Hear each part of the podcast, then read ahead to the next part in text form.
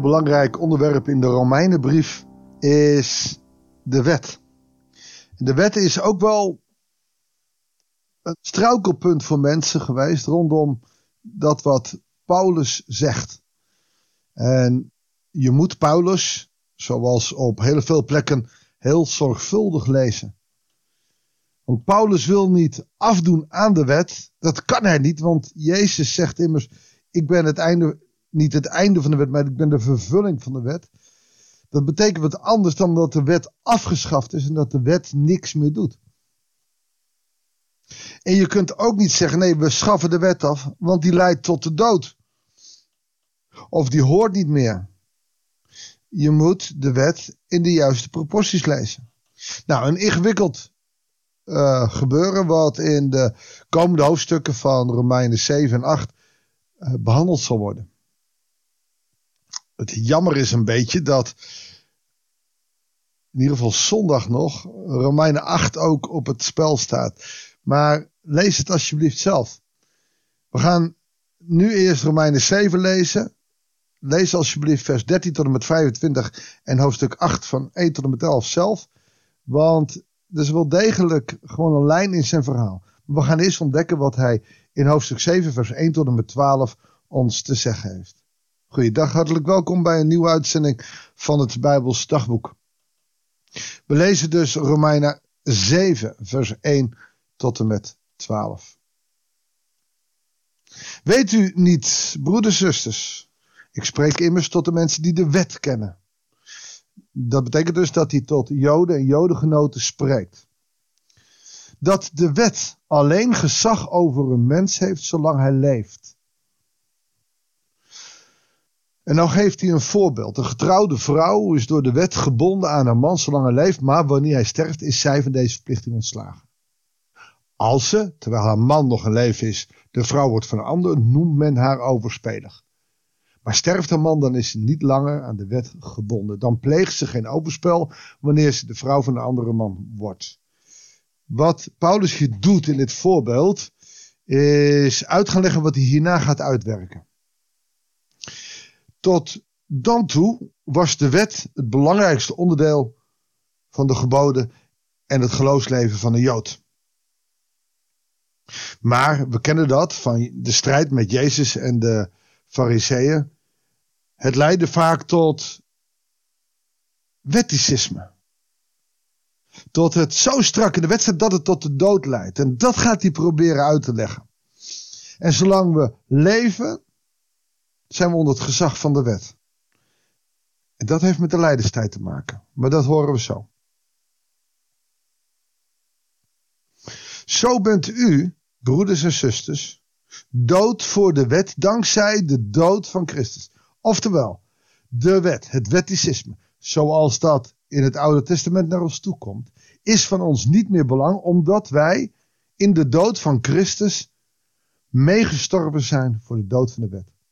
En behoort u nu een ander toe. Oftewel, we mogen scheiden van de wet zoals dat in het Oude Testament op ons afkomt. Hem, dat is Christus die uit de dood is opgewekt, zo kunnen wij vrucht dragen voor God. Oftewel, de wet die maakt dood. En daar zitten we met een probleem. Waarom maakt die wet dood? Nou, die wet op zich maakte die dood. Want de wet werd gezegd en verteld om in vrijheid te leven. Elke regel die je in de kerk of in je leven toepast, elke afspraak dient ervoor om in de ruimte en de vrijheid te staan van het leven. Als ze ervoor dienen om mensen te onderdrukken, is het geen goede wet.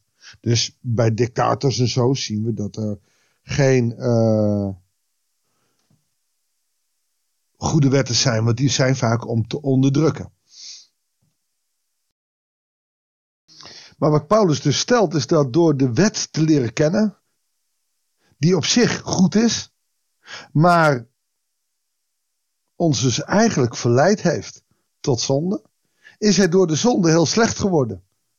En voor, doordat we zijn gaan zondigen, worden we veroordeeld door de wet. En zijn we dood voor de wet. Want geen mens is zonder zonde.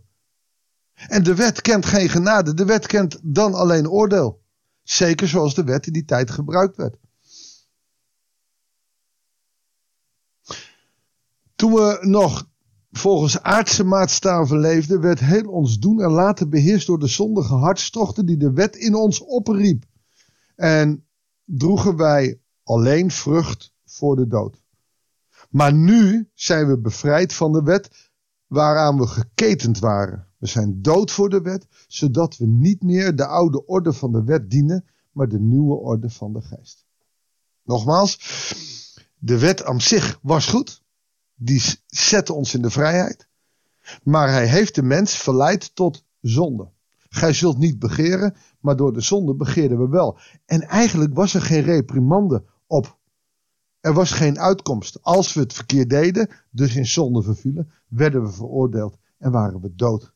Door de wet werden we dus veroordeeld tot de dood. Terwijl die regel er was om in de vrijheid te zetten.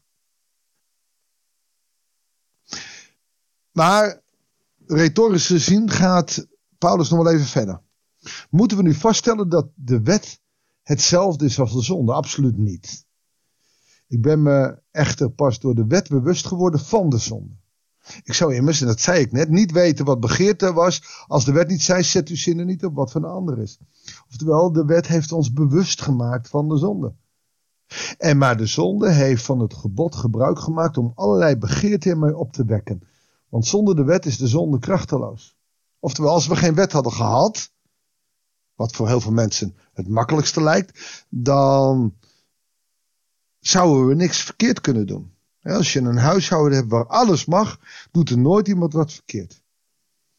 Maar het gek is, doordat we regels hebben om te zorgen dat iedereen in de vrijheid kan leven, gaan de mensen over de schreef en gaat het mis. Wat Paulus hier eigenlijk retorisch probeert te doen, is het probleem neerleggen dat de wet alleen niet kan werken. De wet alleen geeft uh, problemen weer. Omdat er geen, en dat ga ik alvast zeggen over het volgende er is geen genade, er is geen vergeving, er is, er is alleen de oordeel van het wet. En daar wil uh, Paulus mee afrekenen. Je hebt nu nog wel groeperingen, eh, kerken, die zo sterk op dat wetticisme zitten, dat ze niet het gevoel hebben de genade te mogen aannemen. Je moet geroepen worden, gekozen worden. En je moet stinkend je best doen om geen zonde te doen.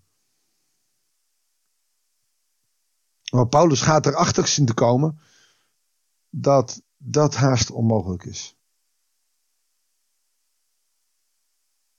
De zonde heeft van het gebod gebruik gemaakt om allerlei begeerten in me op te wekken, zegt hij. Eens leefde ik zonder de wet, maar door de komst van het gebod kwam de zonde tot leven. En dat werd mijn dood. Nogmaals, helemaal niet erg de wet, helemaal niet de regels. Maar als die niet leiden tot vrijheid, zijn die regels waarschijnlijk niet goed. Of wij hanteren ze niet goed. Want wat gebeurt er? Eigenlijk is dat dat puberale. Je mag geen dropje eten door de week. Wat doet een kind? Die steelt een dropje.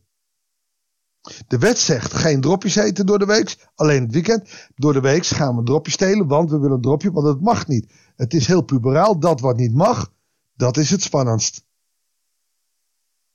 Maar er zit alleen straf op. Nou mag je nooit geen drop meer. Of je krijgt vier weken lang huisarrest omdat je een dropje hebt. Dat is een beetje zwaar, maar even bij wijze van spreken. De vrijheid die er is voor iedereen, zodat er het weekend drop is en door de week gewoon gespaard wordt. Wordt onderuit gehaald als iemand door de week de dropjes opeet, zodat in het weekend geen drop meer is. Dus de zonde van iemand die gaat de vrijheid van de ander beperken.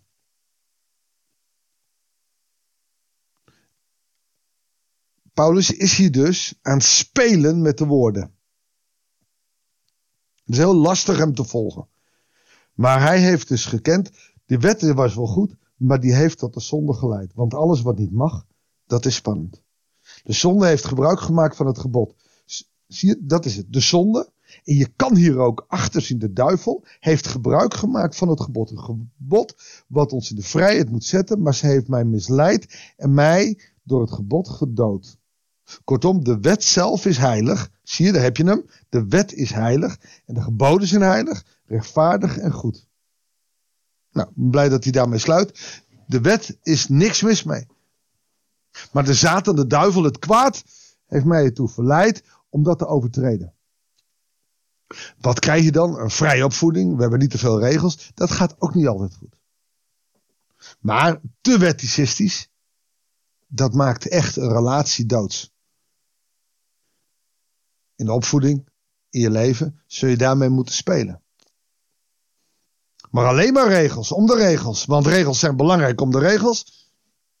Dat is een doodgeloof. Kerken die zo werken, zullen uiteindelijk daarbij kapot gaan. Maar het gaat niet om die kerk, het gaat om jou en mij. Het gaat om hoe wij met de wet omgaan. Mag je dus begeren? Nee, je zult niet begeren. Maar als je het wel doet, hé, het is wel spannend om het wel te doen. En we worden verleid. En vooral voor die verleiding, de diabolos, daarvoor moeten we waken. Mag ik met je bidden? Heere God, wij mensen zijn lang niet altijd even scherp, niet goed. We worden verleid.